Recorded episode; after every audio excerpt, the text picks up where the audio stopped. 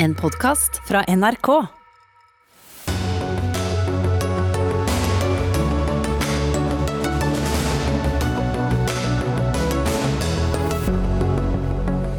Nå er det lærernes tur til å få vaksine idet skoleferien har begynt.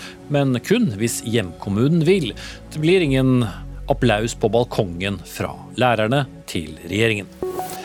Er det søndagsåpne butikker som skal til for å få et koronarammet næringsliv på bena igjen? Ja, mener Kristiansand Venstre, og får et rungende nei fra KrF.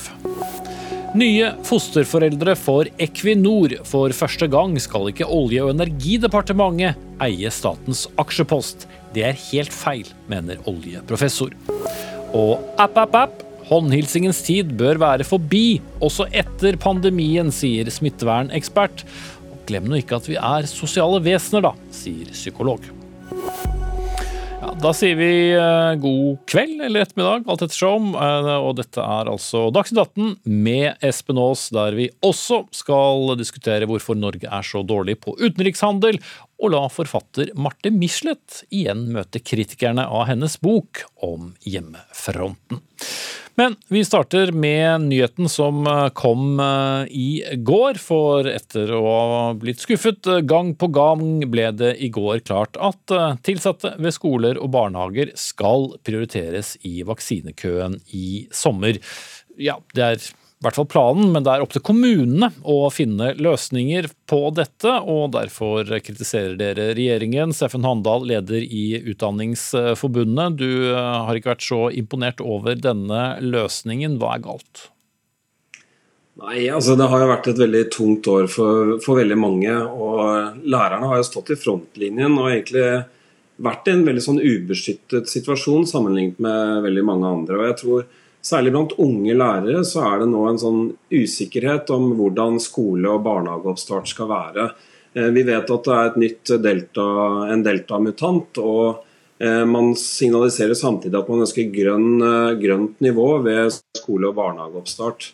Og Da brer uroen seg. Så da regjeringen sa at nå var det lærernes sin tur, så ble jeg jo i utgangspunktet glad. Men da det viste seg at dette egentlig var et ønske mer enn en eh, klar prioritering fra regjeringene, så, så syns jeg beskjeden både kommer veldig seint, den kommer utydelig. Og det gjør at eh, veldig mange lærere både i barnehager og skoler nå sitter igjen med en, med en følelse av forvirring og usikkerhet, uh, istedenfor å skape trygghet og litt sånn tempo i dette, sånn at vi skal få en god skole- og barnehageoppstart. Ja, det var ingen uh, klem eller annen takk der. Kunnskaps- og integreringsminister uh, Guri Melby fra Venstre. Hvor mye var egentlig denne prioriteringen verdt, når alt kom til alt? Altså, det her er ikke noe som vi har gått inn for for å få klemmer eller takk. Og jeg vet veldig godt at ansatte i skoler og barnehager gjerne skulle ha sett at de hadde vært prioritert tidligere. Jeg skulle også gjerne sett at vi hadde greid å vaksinere dem tidligere. Men foreløpig, og egentlig hele veien, så har vi jo lent oss veldig tydelig på faglige råd fra Folkehelseinstituttet. De har vært veldig tydelige på at vi må prioritere risikogruppene først. Altså dem som har størst risiko for å bli alvorlig syk, og helsepersonell. Så det er jo det vi har gjort. Um, men så, eh, da vi hadde siste runde med revisjon av vaksinasjonsstrategien, da, det var vel i starten av mai, så ga vi jo et oppdrag til FHI å vurdere en omprioritering av ansatte i skole og barnehager. Deres svar da var at nå kommer hele Norges befolkning til å bli vaksinert i løpet av sommeren, så det er ikke behov for en sånn omprioritering. Men nå har vi fått beskjed om at dessverre så er mange vaksinedoser forsinka, og dermed vil det være en god del som vil være nødt til å vente på første dose til august-september. Og Da sa vi tydelig allerede i mai at vi ville gjøre en endring av strategien dersom det skjedde. Og Derfor så gir vi nå en beskjed til kommunene om at vi ønsker at de skal prioritere ansatte i skoler og barnehager, slik at de kan være beskytta før vi starter opp et nytt barnehage- og skoleår. Mm, men det er opp til kommunen å bestemme det? Ja, Grunnen til at vi gjør det, det er jo egentlig todelt. For det første så er det jo kommunene som har gjennomført hele vaksinasjonen fram til nå. Eh, og det er jo kommunene som også har organisert prioritering av helsepersonell, f.eks. Eh, og grunnen til at vi gir det som en mulighet og ikke et pålegg, er jo fordi at vi vet at kommunene er i en veldig krevende situasjon. Og så er det også veldig ulikt rundt omkring i landet. I en stor kommune som Oslo eksempel, så vil jo mest sannsynlig alle voksne være vaksinert før vi kommer til juli. Så der vil det jo ikke være behov for å gjøre en sånn prioritering. Mens andre kommuner som da har vaksinering fortsatt i kanskje august-september, vil ha større behov for å gjøre en sånn prioritering. Men jeg skjønner det, men kunne du ikke pålagt kommunene dette fremfor å ytre et ønske om det? Det ville vært meningsløst mener jeg, å pålegge f.eks. Oslo da, å gjøre en sånn omprioritering når alle likevel blir vaksinert. i god Det hadde vel Oslo kommune skjønt? Ja, men altså, jeg har tillit til at kommunene greier å løse det her på en god måte. Jeg syns de har håndtert vaksineringa veldig bra så langt. Vi er veldig tydelige på at vi ønsker at alle ansatte i barnehager og skoler skal være beskytta, men det må være praktisk mulig og praktisk gjennomførbart for kommunene å få det til. Det er derfor vi har valgt denne løsninga. Men jeg håper som sagt at alle får det til. Se da, Steffen Handal, tror du lærerne er, uh, i alle fall, uh, har iallfall én dose innabords idet skolen begynner igjen? Nei, Jeg blir ikke helt beroliget av det Melby sier. og Jeg blir rett og slett litt usikker på om lærerne skal prioriteres. Eh, Og Det som jeg fryktet kom til å skje da jeg hørte om dette i går, det har jo allerede skjedd. Vi har jo sett at både ordførere og kommuneleger der ute har sagt at denne beslutningen kommer for sent. Det blir for vanskelig å prioritere det, omprioritere, og at man verken har logistikk eller muligheten til å få gjennomslag. og det, Da blir jeg usikker på om dette faktisk blir noe av. Og Jeg skulle ønske at uh, Melby benyttet anledningen her på Dagsnytt 18 til å gi det klare, uh, den klare beskjeden ut at dette skal gjennomføres. Lærere i barnehager og skoler skal vaksineres før skolestart. Mm. Men den kommer jo ikke Ja. da, Melby. Altså, nå syns jeg Steffen Handal sprer mer uro enn det er nødvendig. Altså, vi har vært veldig tydelige på at vi vil at ansatte i skoler, barnehage og SFO skal prioriteres. Det er fordi de står i førstelinja, de møter barn og unge som ikke er vaksinert. Og vi ønsker at vi skal åpne skoler og barnehager på grønt nivå til høsten. Men vi vet at kommunene er i en veldig krevende situasjon. De må få lov til å finne ut av logistikken på det her. Vi kan ikke drive og detaljstyre. Men jeg forventer jo at kommunene jobber hardt for å finne en løsning som sikrer at ansatte i skole og barnehage er beskytta før vi åpner til høsten. Og det er det ingen tvil om at regjeringa ønsker. Inger Hilde Trandem, du er kommuneoverlege i Tromsø. Hva gjør dere med denne beskjeden? Eh, Vi har ikke tatt stilling enda til om vi klarer å gjennomføre det. Eh, Vi skjønner jo behovet for prioritering, og vi er ikke sånn at vi er mot at, at eh, lærere og barnehagepersonell skal prioriteres, men er, vi står i en veldig krevende situasjon når det gjelder å få denne vaksinelogistikken til å gå opp. Vi vet ikke hvor mange doser vi får i løpet av sommeren. Vi har prøvd å planlegge så godt vi kan. Vi har også prøvd å innkalle personer for å være sikre på at vi har nok personer til å bli vaksinert. Sånn at det vi, vi står nå med veldig mange spørsmål i forhold til om vi er nødt til å å omdisponere masse timer og hvordan vi skal gjøre dette, rett og slett. Sånn at det er en veldig krevende situasjon, samtidig som vi også skal ha ferieavvikling og vi skal gjøre alle de andre tingene som vi også må gjøre da i forhold til eh, covid-19 og de vanlige tingene vi skal gjøre på Ville, ville det vært eh, enklest å ikke hensynta lærere og barnehagepersonell?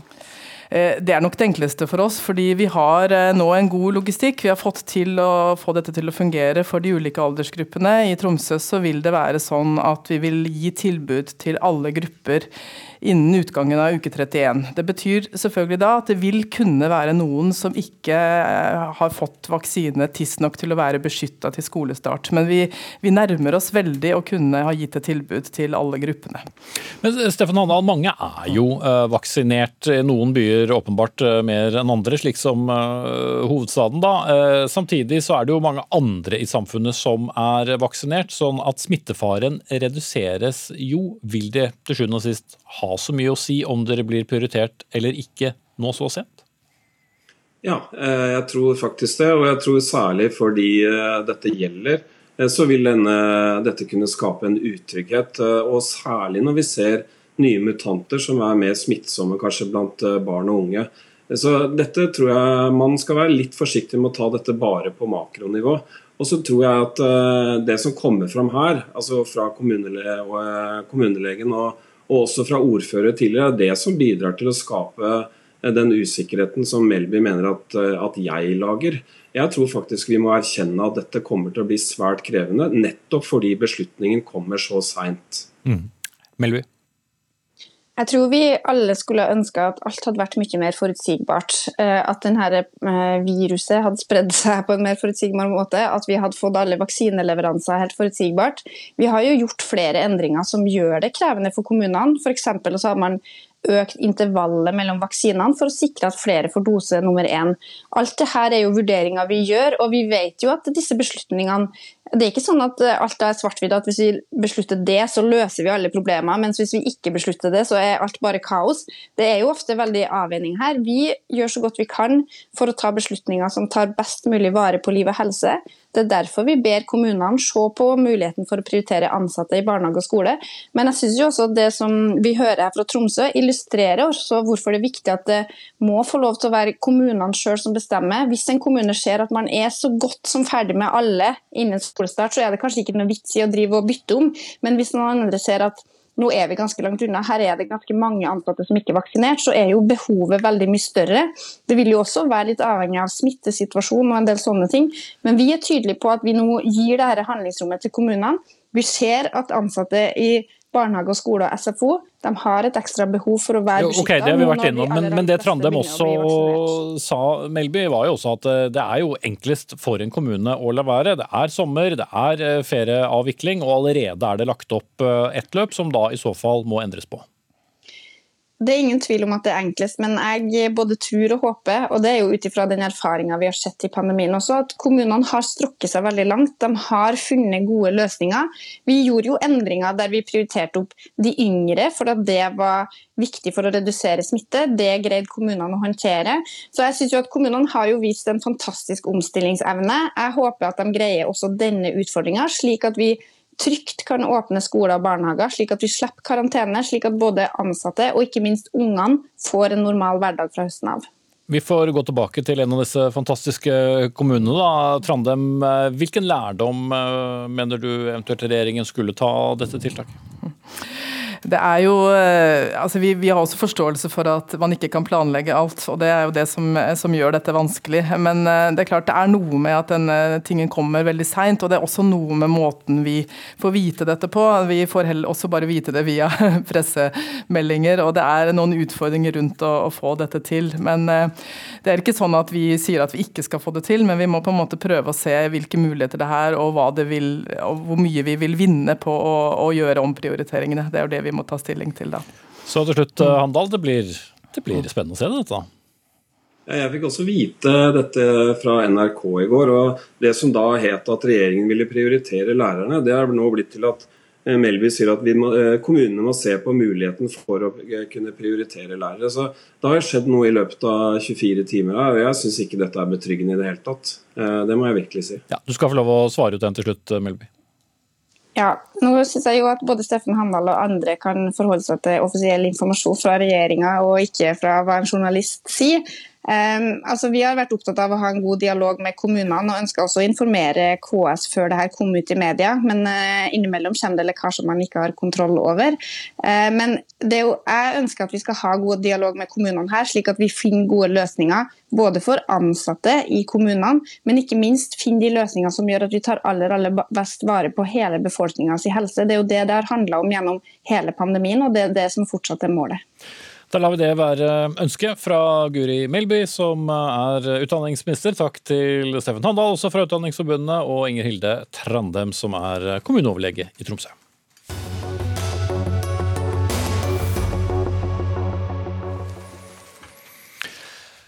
Ikke noe annet land i den vestlige verden, iallfall blant de fremvoksende økonomiene, kommer dårligere ut enn Norge når det gjelder evnen til å handle med andre land, kunne vi lese i en rapport fra Menon Economics denne uken. Nå Iselin Nybø, næringsminister fra Venstre, gratulerer. Ja, så Selve rapporten er ganske balanserte, men jeg tror fremstillingen har vært litt skeiv i dette tilfellet. Hvordan da? For eh, Det kommer litt an på hva du ser på. og Hvis du bare ser på volumer, så er det kanskje riktig. Men det er jo ikke noe mål i at vi skal eksportere mest mulig liter eller mest mulig kilo av noe.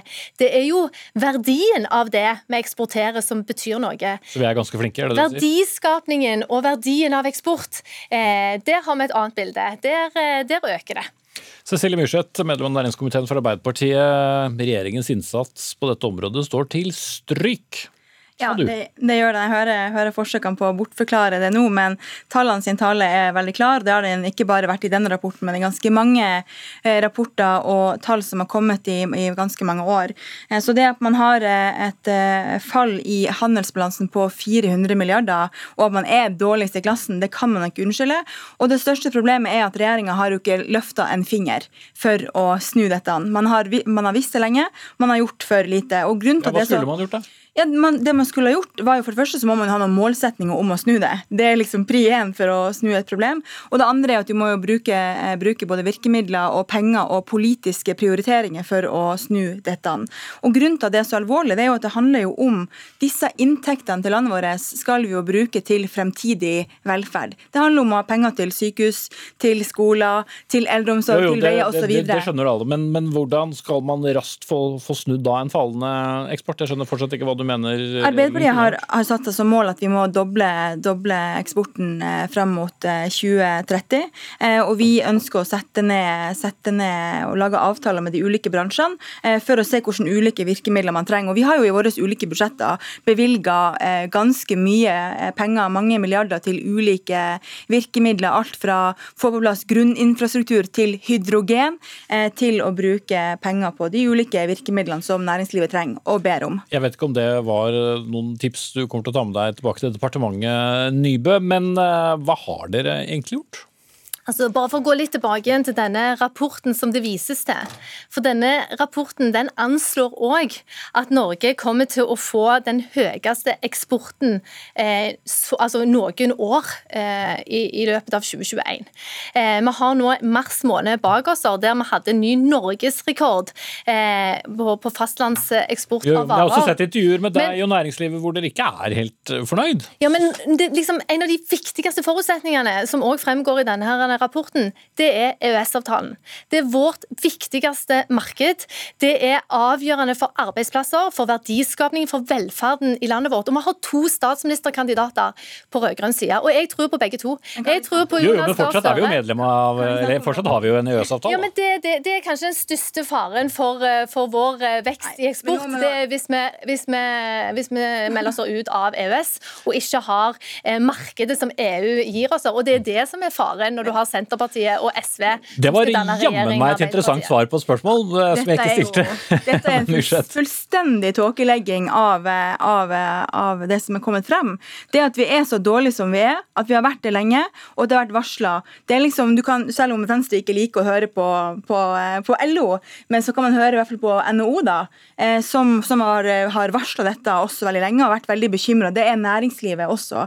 Så eh, i stedet for å, å spille seg bort med sånn EØS og valgplan, så må man heller si hva man, eh, hva man faktisk eh, ønsker å gjøre, og hvorfor man ikke har villet gått inn på mange av de forslagene som vi bl.a. også fremma i, eh, i, revidert budsjett. Annet fremma Arbeiderpartiet forslag om å bruke penger på å restarte reiselivet, som er blitt en av de viktigste eksportnæringene som, som vi har.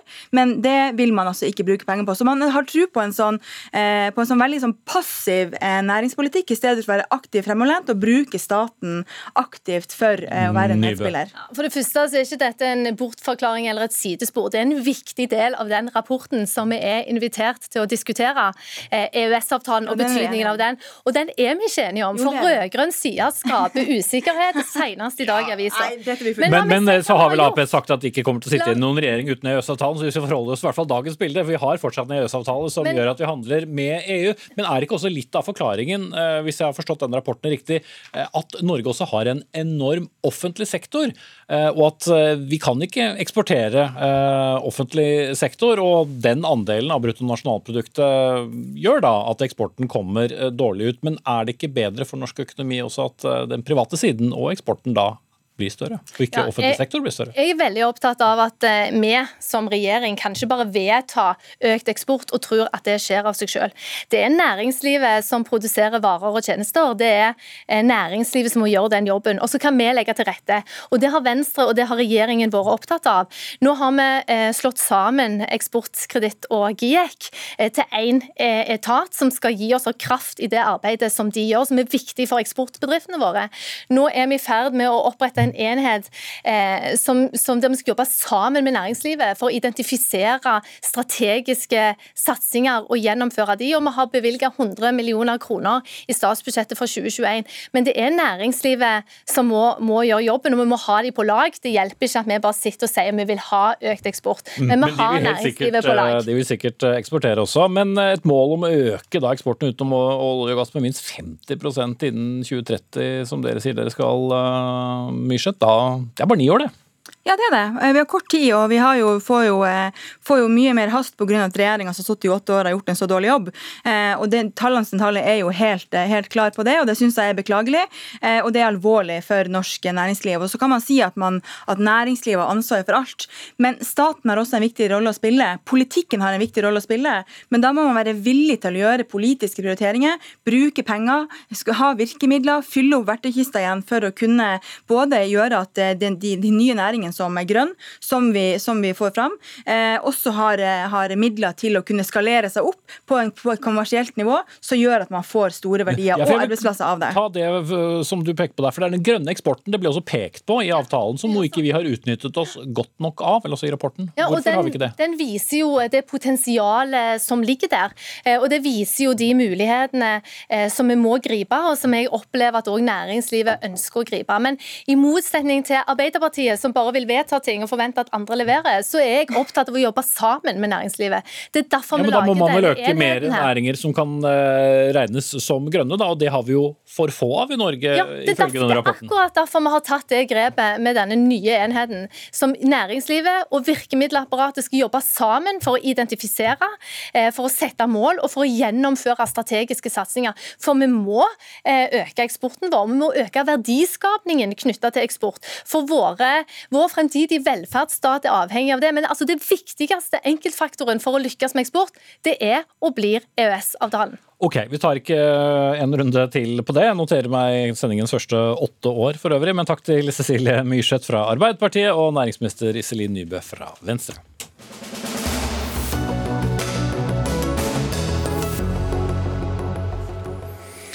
I over to år kritiserte historikere Marte Michelet og hennes bok om hjemmefronten. Nå har hun svart dem, men er kritikerne fornøyd? Ja, Det skal vi forsøke å finne svar på litt senere i Dagsnytt eh, 18. Trodde du at debatten rundt søndagsåpne butikker forsvant under korona, da det ble et rungende nei til å holde butikker åpne på søndager for å spre handlingen? Nei da, den dukker opp igjen nå, for i flere byer rundt om, bl.a. i Kristiansand, som vi nå skal til, går debatten om ikke butikkene iallfall burde være åpne uken gjennom nå i sommer for å gi hjelp til et næringsliv som har slitt gjennom pandemien. Og vi ønsker velkommen vår tredje venstrepolitiker på rad i denne sendingen. Kristine Alveberg, du er bystyrerepresentant i Kristiansand. Dere vil altså ha søndagsåpne butikker i, i byen. Men er ikke korona bare egentlig et fint påskudd for å be om noe dere ønsker uansett? Det er ikke tvil om at Venstre har ønsket at vi skal være en ferieby syv av syv dager i uken, ikke bare mandag til lørdag. Men nå har det seg slik at del av, veldig mange av virksomheter, spesielt i byen, har eh, slitt. Det er eh, redusert inntjening. Og sommeren er høysesong for inntjening for disse virksomhetene. Da vil vi veldig gjerne gi dem muligheten til å eh, tjene penger også på søndager. Mm. Jørgen Kristiansen, du er gruppeleder for KrF i, i Kristiansand. Er det ikke verdt å gi denne muligheten, iallfall i sommer? Det er jo mange av nabokommunene som har mye søndagsåpent. Nei, Jeg blir oppgitt og nesten litt provosert. Du kan faktisk stille klokka nesten etter dette forslaget som kommer hvert år fra Venstre, og Høyre og, og Frp. og Det er jo sånn at det er, det er ikke et sug i den norske befolkninga at enda mer shopping, enda flere dager der vi kan gå og handle, enda, at vi kan bruke enda mer penger. Tvert imot så er det et sug og et ønske i den norske befolkningen om mer fri, tid til å ta vare på hverandre, til å gå tur, til å ta vare på familie og møte venner osv. osv. Vi tror at hvis dette forslaget er det heldigvis ikke flertall for det i bystyret i Kristiansand, så de får nei nok en gang, selv om de prøver seg på nytt. Men vi tror at de gjør en bjørnetjeneste til, eh, til butikkene i denne byen. Og Det handler om, det er en undersøkelse som Fafo har gjort, den viser det at eh, hvis du åpner opp syv av syv, så smører du bare denne omsetninga enda tynnere utover alle dagene. Det betyr at eh, de ansatte må jobbe lenger, og det blir økte kostnader for, eh, for butikkene. Så det her eh, forslaget her, det er et dårlig forslag. Folk ønsker det ikke, butikkene ønsker det ikke, og vi trenger heller en, en fridag i uka. Det er det som Men... folk vil ha. Venstre, Høyre og Fremskrittspartiet fortsetter å ønske seg det, Alveberg. Men hvorfor ikke gi opp når det ikke får flertall? Eh, det er flere gode grunner til det, men nå har det så slik at Kristiansand er sommerby nummer én. Det er undersøkelser fra finn.no som sier at Kristiansand hadde flest booking, hotellbookinger i juli. Eh, det, og det er ikke sånn at eh, vi i Kristiansand da vil smøre inntjeningen utover uka. Vi vil faktisk eh, ha friske penger inn fra andre landsdeler. Sånn at vi har mulighet for å øke inntjeningen for butikkene i Kristiansand. Men velger Men de bort Kristiansand fordi de ikke får handle på søndag? Det er mange som reiser til Lillesand, Tvedestrand, Grimstad, Lindesnes for å handle på søndager. Gå litt i byen, kombinere det med lunsj. Og det er akkurat disse ringvirkningene her som vi mener at uh, vil ha en positiv effekt for, uh, for, virksomhetene. Og det er sånn at virksomhetene har lyst på det her. Uh, over, I fjor var det en undersøkelse fra Kvadraturforeningen, altså Foreningen til butikkene, som sa at over halvparten av butikkene ønsket dette. Og i år så forventer de at det tallet er enda høyere. Mm. Bare jeg vil minne Kristiansen på at uh, arbeidsmiljøloven den gjelder hver, hver, dag i uka, også på søndager. Ja, Kristiansen, hvis dette er et marked, så ville de jo fortsatt å ha åpent. Og hvis det viser seg at folk ikke ønsker dette, så hadde det blitt med forsøket. Er det ikke vært greit å få testet det en gang for alle? Jo, men nå, har, nå sier både NHO, LO, Virke, Handel og Kontor framtida i våre hender. Altså her, I denne saken, alle de sier nei. og her, Det er egentlig litt morsomt, for her står eh, KrF og Kirke-Norge sammen med fagbevegelsen, Arbeiderpartiet og venstresida. Vi står sammen med eh, klima- og miljøbevegelsen, og det er egentlig en sånn fin allianse. En litt sjelden allianse, og dette sier vi samla nei til, og folket ønsker det ikke. Vi trenger ikke enda mer kommersialisering i dette landet. Vi trenger ikke en dag til. Vi kan handle seks dager i uka, og vi har allerede i dag noen av de lengste åpningstidene i Europa. La oss ha søndagen fri, la det være annerledes da. Og så er det masse annet gøy du kan gjøre på, på søndagen. Du kan gå ut og bade, du kan, du kan faktisk kjøpe is på søndagen. Og jo, og, og, det er veldig mange butikker man faktisk kan gå og handle i på søndager. Det er små butikker, det er eh, blomsterbutikker, og det er brustabuer. brustadbuer. Og som også blir påpekt her, man kan reise til nabokommuner som velger å ha ferieåpne søndagsbutikker så går det ikke bare til sjuende og sist utover lokalt næringsliv? Eh, jeg tenker det at her eh, I Kristiansand så er Kristiansand eh, i området den største byen. og om det er noen Jeg skulle gjerne sett at også nabokommunene ikke hadde åpent, men nå er det sånn at det, det, kan en bestemme lokalt. Jeg skulle gjerne sett at det måtte bestemmes nasjonalt. Men Kristiansand er den største byen på, på Sørlandet, og jeg kommer til å feite hardt hvis denne saken kommer opp på nytt i bystyret og si nei til dette. Vi trenger ikke en ekstra handel da. Ja, det høres jo ikke ut som du får noe særlig gehør her, da, Alveberg. Men eh, når så mange er i, i, Kristiansand, du har muligheten til å handle fra tidlig til sent seks av, av eh, sju dager. Hvor stor forskjell gjør det? Men Det er jo dette som er så flott når det er sommer. Man tar av seg klokka, man glemmer hvilken dag det er. Og så har man lyst til å gå og handle. Det kan du gjøre hver dag, bortsett fra på søndager. Da blir du påminnet at Nei, det er ikke ferie hver dag, det er kun seks dager i uken her, da, hvor du har mulighet til å gå og handle når du vil. Og så er jeg overrasket over at Jørgen Kristiansen ikke har lyst til å, rekke en utstrakt hånd til små og mellomstore bedrifter i denne byen. De sliter, det vet vi. Det er mange som fortsatt er permittert eh, eller ikke har full bemanning. Det er spesielt de som jobber deltid og kvelder, unge ansatte, som ikke får mulighet til å jobbe fordi virksomheten ikke tør å satse på eh, å åpne og ha lengre åpningstider. Eh, eller, ja. Det høres ut som det blir i hvert fall gode dager for eh, iskioskene. Jeg setter strek der. Takk til Kristine Alvberg, bystyrerepresentant for Venstre, og Jørgen Kristiansen, gruppeleder for KrF, begge i Kristiansand.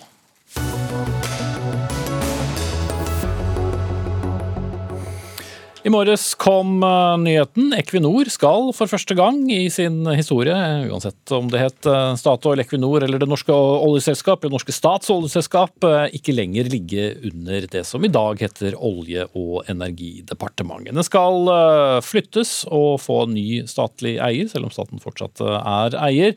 Nå er det Næringsdepartementet som blir fosterforelder. Og Forslaget om denne flyttingen kom i kjølvannet av en høring i kontroll- og konstitusjonskomiteen om hva som skjedde da Barentshavet sørøst ble åpnet for oljeleting i 2013. Men Tina Bru, olje- og energiminister fra Høyre, er det en erkjennelse av at eh, ditt departement ikke var så god på å være eier?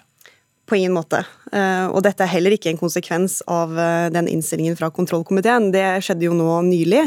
Dette er noe jeg har jobbet med lenge, eh, etter at jeg ble olje- og energiminister. Og dette har vært vurdert flere ganger tidligere, ikke bare av denne regjeringen, men også tidligere regjeringer.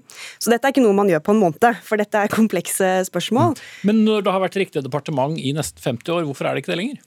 Altså det er eh, Hovedårsaken til at man også har eh, vurdert dette tidligere og hatt et ønske om å flytte, er fordi at det er noe med å skille rollene. Det er noe med å skille rollen staten har som ressursforvalter på olje og gass, og det å eie eh, et oljeselskap som det Equinor er. Og Det er jo det vi oppnår nå. Nå vil oljepolitikken ligge i Olje- og energidepartementet. Vi har ressursforvaltningen der. Og så vil eierskapet ligge i det som er vårt eierdepartement, nettopp eh, Næringsdepartementet. Mm. Men jeg fulgte en del av de høringene som var rundt Equinor, og da ble det jo påpekt at uh, kanskje man var litt uh, for nær hverandre i Olje- og energidepartementet og Equinor. Og ut fra det du sier, så høres det ut som du egentlig også syns det, da? Nei, jeg har aldri vært eh, enig i den eh, kritikken der fra kontrollkomiteen. Dette har ingenting med at eh, OED ikke har utøvd dette eierskapet på en profesjonell måte. At det har vært såkalt svingdør mellom Equinor og OED, det stemmer ikke i det hele tatt. Og den saken som var til diskusjon i kontrollkomiteen, hadde jo heller ingenting med Equinor å gjøre. Så det er egentlig en helt annen diskusjon. Jeg har alltid tatt ganske kraftig avstand fra det, for jeg mener at det ikke er et bilde som stemmer. Det betyr ikke at det ikke er fornuftig å ha en prinsipiell tilnærming til å skille det som er ressursforvaltning forvaltningen og det som er eierskapsutøvelsen.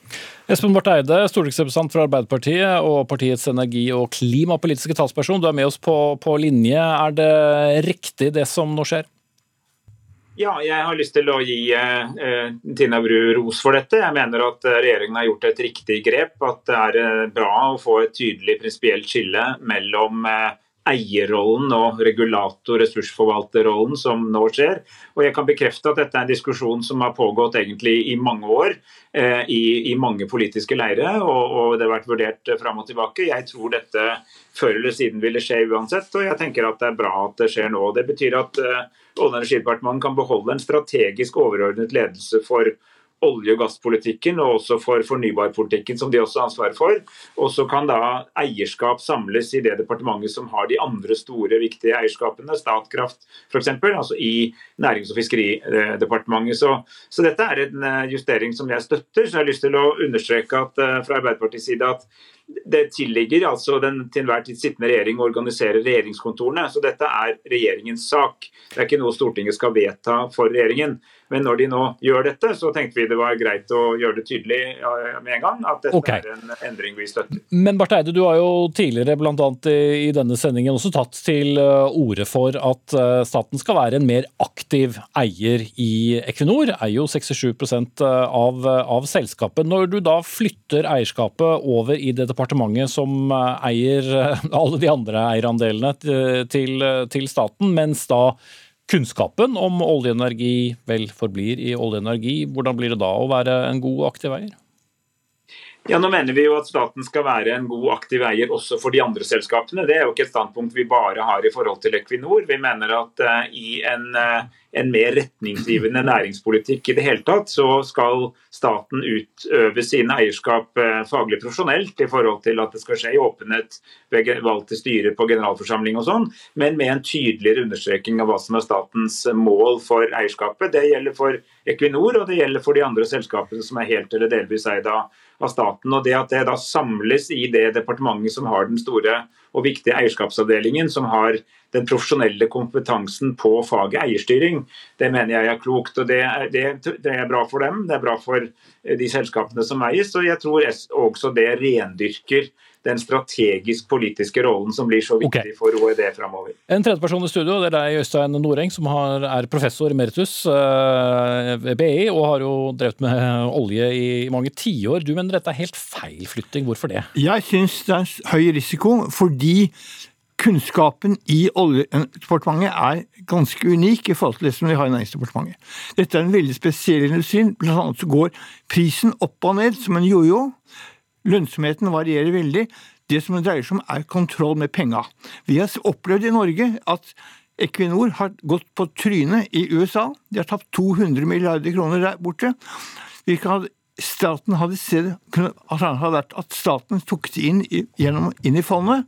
Det hadde gitt 6, 6 milliarder kroner i ekstra tilgang hvert år. Dette er et annet eksempel som viser at dette er galt, er det som selskapet nå gjør i disse tider. De sier, lanserte en ny strategi. Vi skal bli havvindselskap.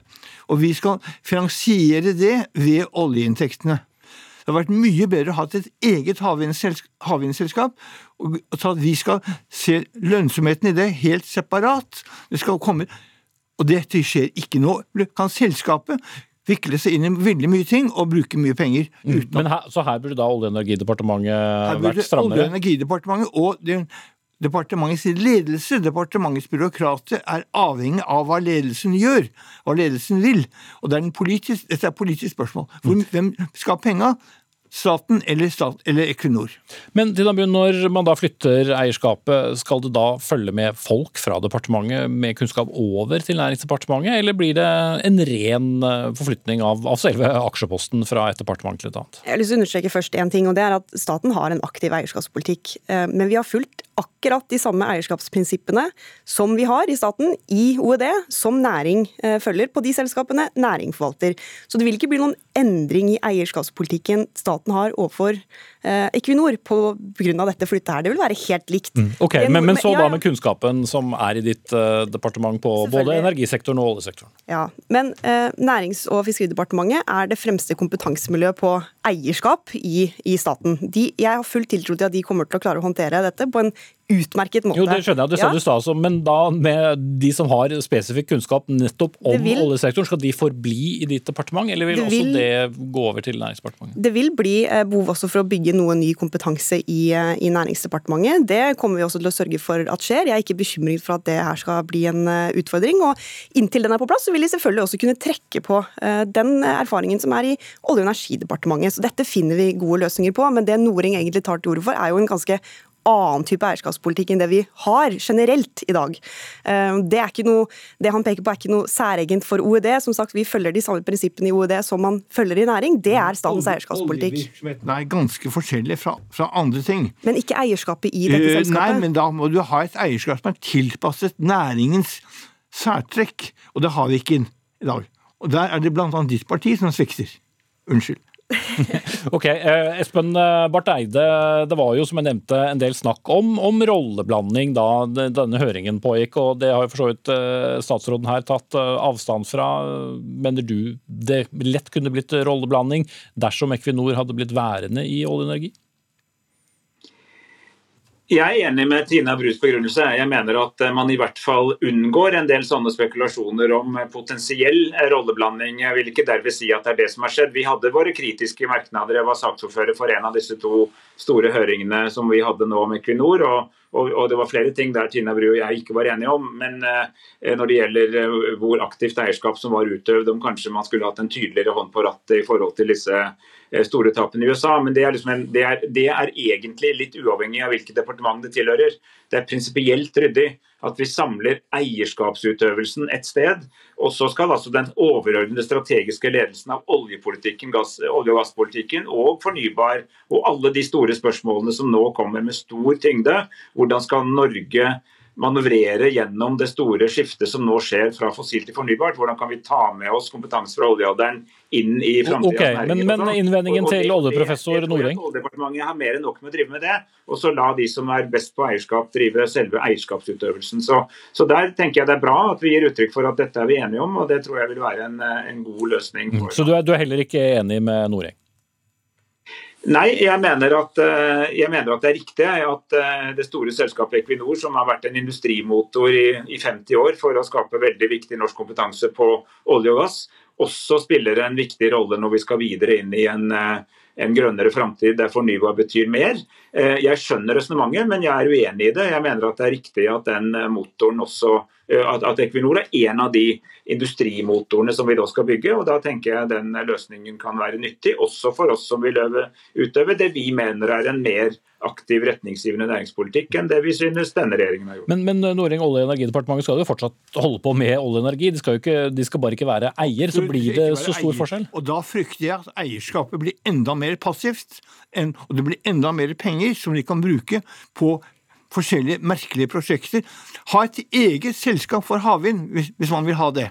Og få klart tallene på bordet. Dette tjener vi penger på. Det er ikke den kryssubsidieringen som er Oljeindustrien selv vokste opp i konkurranse med kullindustrien. Og det var ingen subsidiering.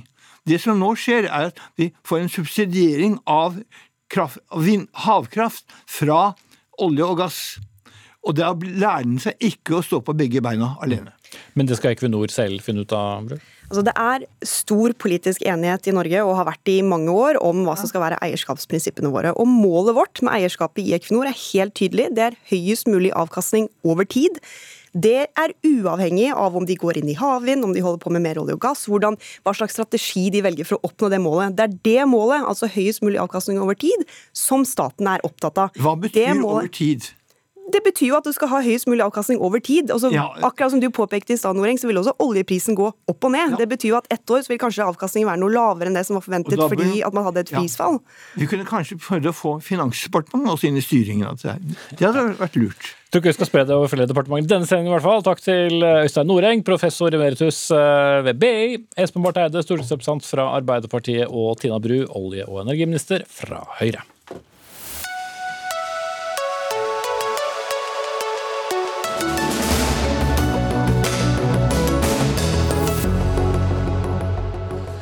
Knapt noen noen sakprosabok har vel vært eh, diskutert eh, så mye i offentligheten de siste årene som Marte Michelets bok Hva visste hjemmefronten? fra 2018, den som handler om norsk motstandsbevegelse og forholdet til jødene under andre verdenskrig.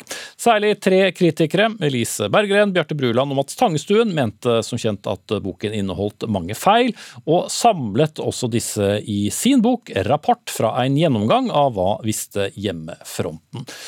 Men også den har fått et svar, for i forrige uke kom Michelets svar med tittelen 'Tilsvar svar på motboken til Hva visste hjemmefronten'. Og for første gang på lang tid skal eh, de to eh, partene møtes til debatt. Jeg skal begynne med deg, Marte Michelet. Du er med oss direkte fra Stockholm, der du bor.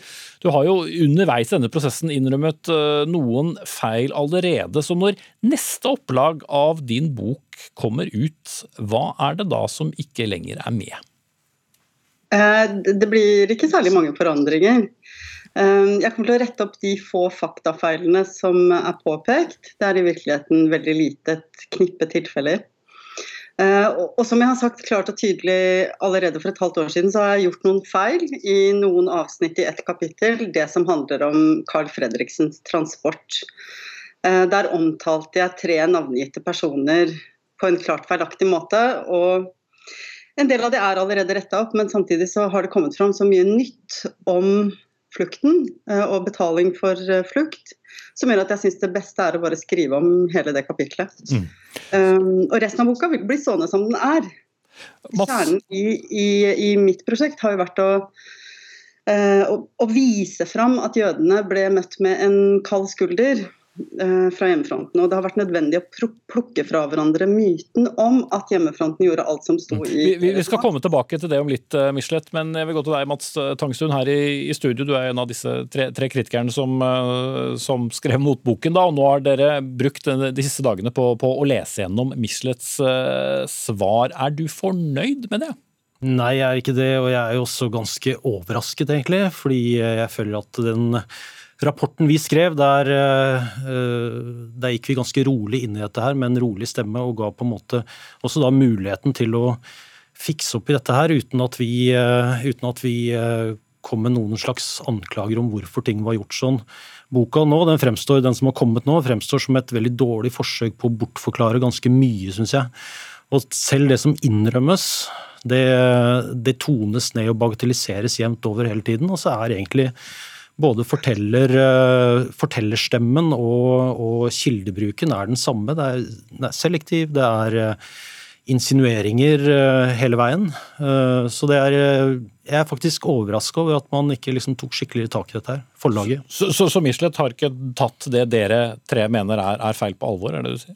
Nei, det mener jeg ikke. Det er klart at hun har noen steder nå sagt at hun legger seg helt flat. og det det var på en måte på tide, fordi disse feilene her, eller de, disse påpekningene de var allerede ganske klare i debatten i 2018. og det var det eh, det var først og fremst det jeg gikk inn i debatten med. altså Når det gjaldt eh, de mest åpenbare feiltolkningene rundt Carl Frengs transport. Det er et helt kapittel som skal skrives om.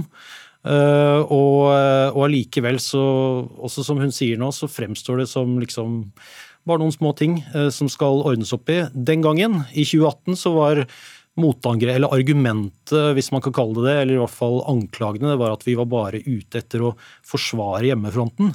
Ja, så hadde vi rett likevel. Og fortsatt så bruker man samme argumentet nå. Med også at vi ikke forstår antisemittisme, som er lagt til som et sånn fint retorisk grep. Ja. Michelet, er, er hovedfortellingen din fortsatt den samme som da du ga ut pukken i 2018? Ja, den er jo det. Altså, eh, I Norge så var det sånn at halvparten av de registrerte jødene de ble fanga og myrda. Eh, og I europeisk sammenheng så er det en utrolig høy andel. Det er bare Nederland som er verre enn oss i, i, den, eh, i vesteuropeisk sammenheng. Og tenk på at Nederland lå omringa av naziokkuperte land på alle kanter. Det var ikke mulig å komme seg ut. Mens i, i Norge så hadde vi en 1600 eh, km lang grense til Sverige, til det frie, nøytrale Sverige, der jødene kunne komme seg i sikkerhet. Vi hadde en sterk motstandsbevegelse, en sterk motstandsvilje i befolkninga. Og det, det, Vi har liksom dype skoger med hytter og gårder langs hele grensa til Sverige. Så hvorfor kom ikke flere seg ut? Det er det store, brennende mm. og, og, du mener fortsatt da at du kan bevise gjennom din bok at, eh, at hjemmefronten visste hva som skjedde med, med, med jødene, og, og, faktisk også eh, i en del tilfeller arbeidet mot jødene? Altså, Den vanligste forklaringa på at det blei sånn som det blei, at halvparten av de registrerte jødene ble uh, pågrepet og myrda, det er jo at uh, aksjonen kom som lyn fra klar himmel. Altså at hjemmefronten ikke rakk å gjøre noe mer. Men det er en bortforklaring. Det er ikke det kildene forteller oss. Det kildene forteller oss, det er at det kom en rekke forhåndsvarsler om at en aksjon kom til å komme. Eh, men at disse varslene ble ignorert. Mm. Det kildene forteller oss, er at det fantes sterke antijødiske fordommer i spill i motstandsapparatet og i eksilmyndighetene i Stockholm og London.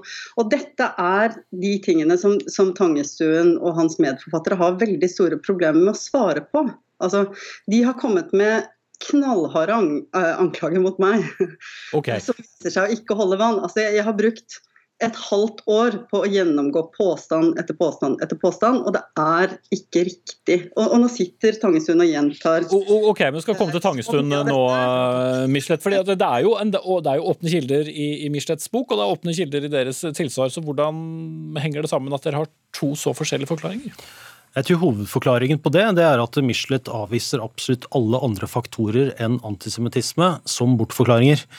Og, og, når man da, Jo, det er riktig. Og når man da går inn på f.eks. bruke sånne sammenligninger som Nederland 70% Norge 50 det, det gir ingen mening hvis du ikke går inn og ser på de faktiske forholdene. Eh, og, eh, og det er det vi gjør. og alt blir på en måte bortforklaringer øh, når man trekker fram de andre tingene. Vi, Michelet sa nå i et intervju med Morgenbladet at vi helt avviser antijødiske holdninger i motstandsbevegelsen og i befolkningen generelt, nærmest, og det har vi aldri gjort. Øh, jeg er helt, helt, jeg er helt, helt klar på at det også spiller inn, men det er det vanskeligste å finne ut øh, hvor mye spiller inn. Og eh, man kan ikke si at Norge hadde en sterk motstandsbevegelse høsten 1942 bare sånn uten videre, uten å se på hva som skjedde høsten 1942. Mm. Men, men, det jeg egentlig spurte om var kildegrunnlaget som, eh, som Michelet bruker, og som dere bruker. Leser dere de samme kildene på forskjellige måter, siden dere har uh, forskjellig konklusjon? Ja, det gjør vi helt åpenbart, og vi leser de samme kildene. og vi Og Det som jeg også syns er interessant, er at i, den, i, i, rapportboka vår så tilfører vi en del også nye kilder. Og i nesten hvert eneste tilfelle av hvor vi kommer med nye kilder, så, så snur Michelet på det og sier at ja, det beviser bare at hun har rett. Sånn at vi kan jo ikke altså Jeg tror ikke det har noe hensikt å fortsette dette denne polemikken på den måten lenger. Vi må finne en annen måte å, å gjøre det på. og Vi er i ferd med å liksom miste vi er i ferd med å miste hele perspektivet her nå. Mm. Da, da, skal få, da, skal du få, slippe til, eh, Michelet, på, på dette med kildene. Men det er jo ikke jeg som har invitert til denne måten å diskutere på, Mats Tangenstuen. Eh, det er jo du og dine medforfattere som har valgt denne faktasjekk feil hos Michelet-framgangsmåten. Eh, og jeg har altså gravd meg ned i deres påstander på punkt etter punkt etter punkt. Dere sier f.eks. Michelet endrer i sitater. Det er en påstand dere har spredd vidt og bredt. Men dere legger altså fram ett eneste eksempel på en endring i et sitat. Og det er et sitat hvor det er eh, ett ord som har blitt feiltranskribert. Og Likevel så fortsetter dere å si at Michelet endrer i sitater. Altså, Dere har ikke dekning for anklagene dere har kommet med. Og det er dere som har ført oss ut i dette liksom veldig ubehagelige klimaet. Eh, hvor folk er redde for å, for å, uttale seg, redde for å diskutere fordi de er redde for å bli stempla så hardt uh, av dere. Og det er et stort problem uh, i, i, for den videre debatten om holocaust i Norge, at to så prominente personer som Bruland og Tangestuen altså avviser i hvert eneste tilfelle de tar opp til debatt i, i rapport, så avviser de eh, at det er snakk om antijødiske fordommer. Sånn at De sier på generelt grunnlag Men nå sa han jo det motsatte, da. Antisemittisme i motstandsbevegelsen, men det gjelder ikke her, ikke her, ikke her, ikke her. Når man bestemmer seg for å stoppe den jødiske flukten høsten 1942, altså når det kommer meldinger fra Stockholm eh, til motstandsledelsen i Oslo om at de skal stanse den jødiske flukten. Da, da, har ikke dere noen kommentar til det, annet enn at eh, eksilregjeringa, eh, eksilmyndighetene i, i, Stockholm kanskje ikke helt forsto alvoret. Altså Dere nedtoner og bagatelliserer det som er åpenbart antijødisk retorikk. Da har vi et uh, minutt igjen til slutt, uh, Tangetun. Ja, nei, altså Det er ikke riktig, og vi har ganske mange eksempler i, i vår bok, så er, man må nesten bare lese den, tror jeg. Og så får vi se hva vi gjør, om vi kommer tilbake igjen til å Vi kan jo ikke la det Tilsvar på tilsvar på tilsvar. Ja, ikke sant. For det, vi er i ferd med å miste perspektivet på hva dette var for noe nå. Det blir men, en eh, ja. Men hvis jeg som eh, også har vært eh, ledet del av disse debattene, som, ja. som har vært med hvis vi, hvis vi løfter det opp mm. Dere har jo da gått gjennom kilder på nytt. Martin Michelet har gått gjennom sine egne kilder på nytt. Men sånn som du ser det, vet vi nå noe mer om hva hjemmefronten visste om jødedeportasjonene? Ja, vi vet i hvert fall at uh, Michelet forsterker hva de visste. Og det, er, uh, det mener jeg vi kan være helt tydelige på. Uh, og, vet, og det er dere enig i? Uh, Michelet er ikke enig i den påstanden om at hun forsterker det. Ja. Nei, nei, nei, men, altså, du, men, men, men, det, men er, er det, dere er enig i at, hvis jeg forsto deg rett, da, at, man, at, vi har fått forsterket inntrykk av at hjemmefronten visste mer? Nei, jeg mener altså ikke det. Jeg mener okay, ikke det, og det, det, ser jeg også på de, de kildene vi har. Uh, og det må vi, Den debatten må vi prøve å få ned på et litt mer saklig nivå. Mm. Mm. Det har i hvert fall vært en eh, gjennomgående debatt i Dagsnytt over uh, disse årene tilbake fra 2018. Takk til Martin Michelet, forfatter med oss fra Sokkholm, og Mats Tangestuen, historiker her i studio.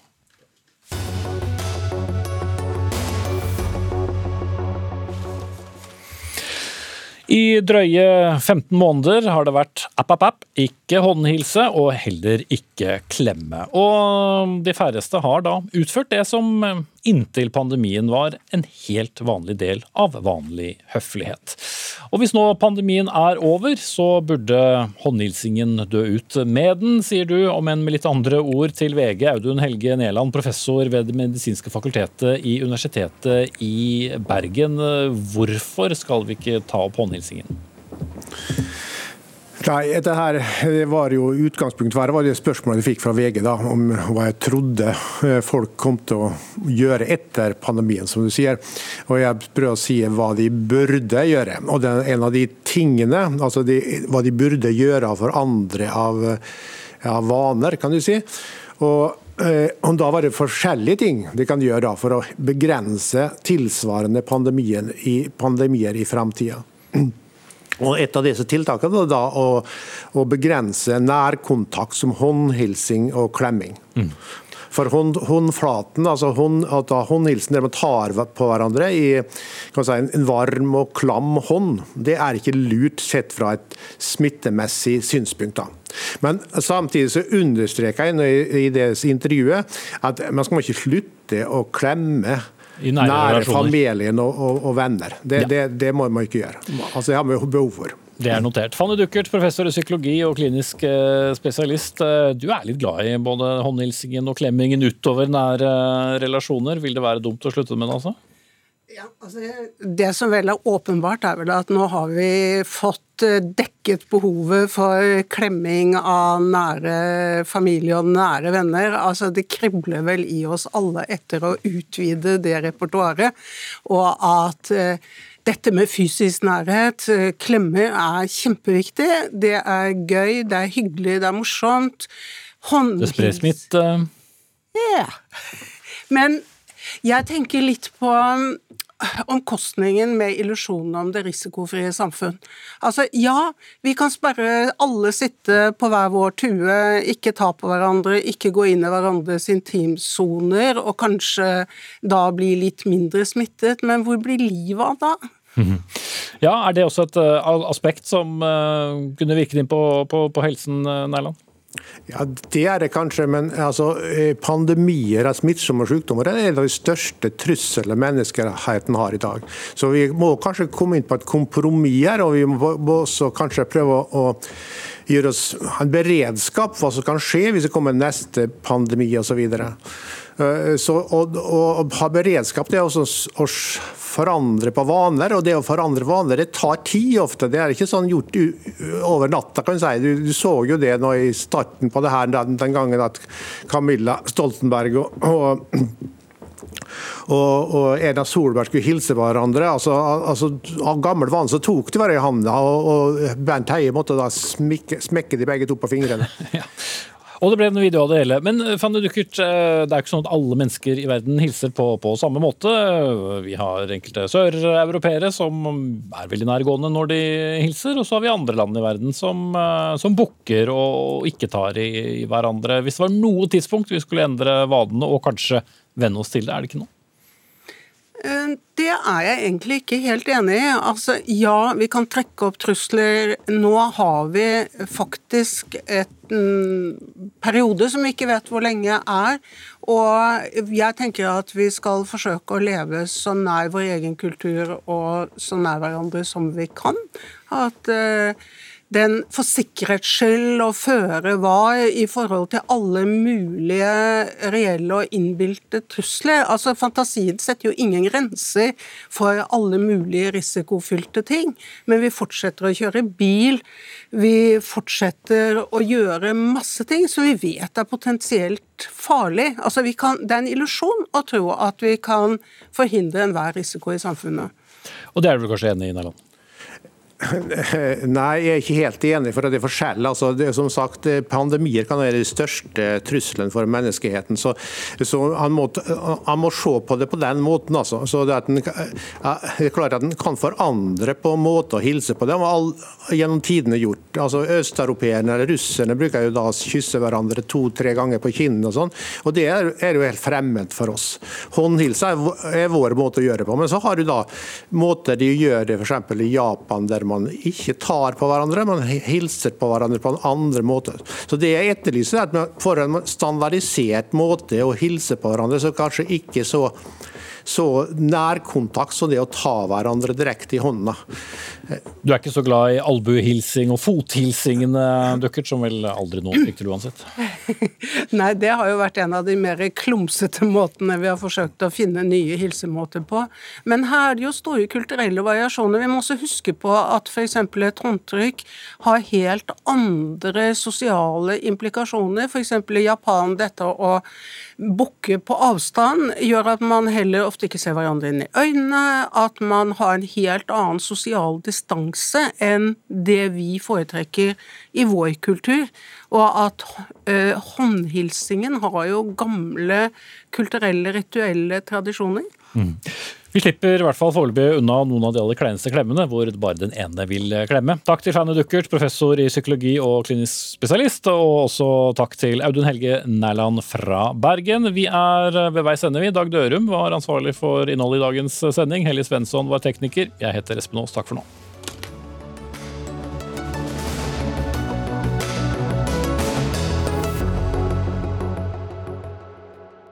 Du har hørt en podkast fra NRK. Hør flere podkaster og din NRK-kanal i appen NRK Radio.